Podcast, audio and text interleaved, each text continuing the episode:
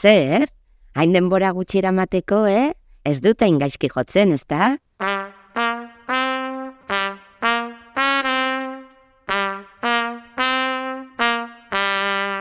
Dagoeneko, asmatuko zenuten zer oparitu didan olentzerok, bai, hori da, trompeta bat. Nire ametsa egun batean musika talde bat osatzea da.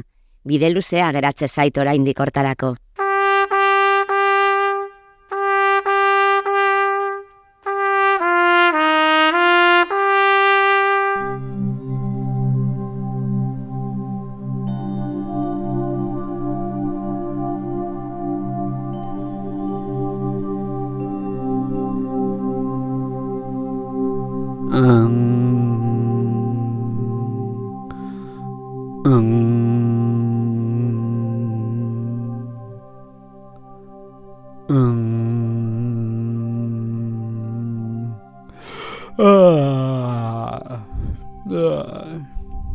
Kaixo lagunok, uste dut segituan lo geratuko naizela.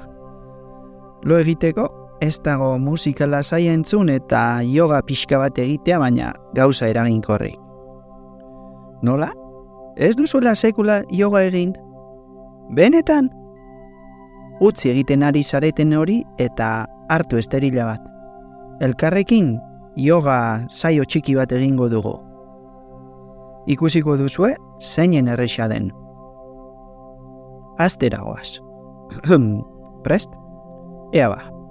Lehenengo pausoa. Hartu esterila bat eta etzan lurrean. Ah, eta itxi begiak noski.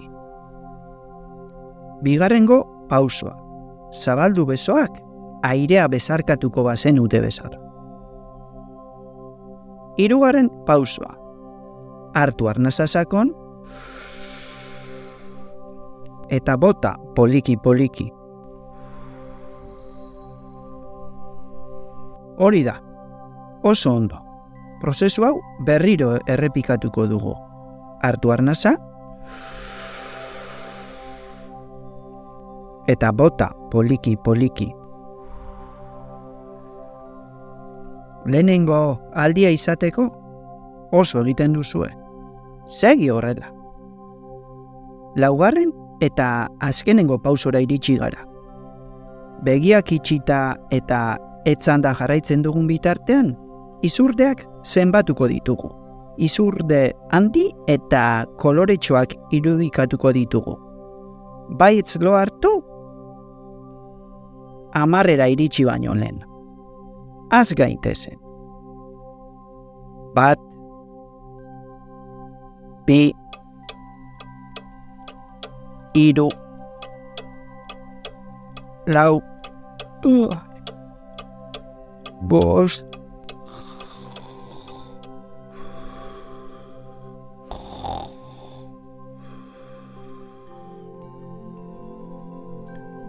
Haien, eh?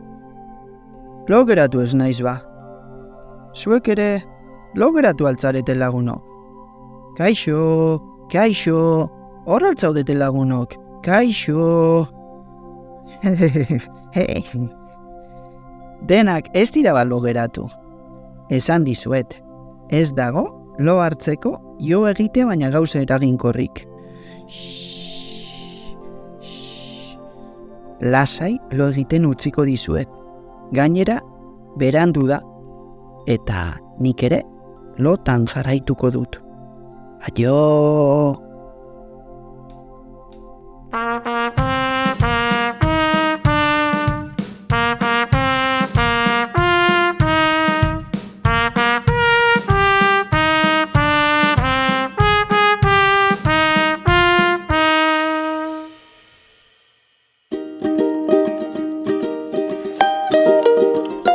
Orain bai, nire bizitzako lehenengo kontzertua emateko pres sentitzen naiz.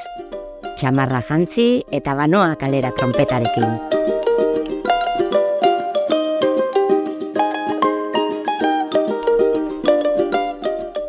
Entzun duzun podcast hau garoa liburu dendak egina da. Gogoratu paperezkoak ekimenean izena emateko paperezkoak.eus webgunean sartu behar zarela. paperezkoak.eus. Urrengo liburu artean.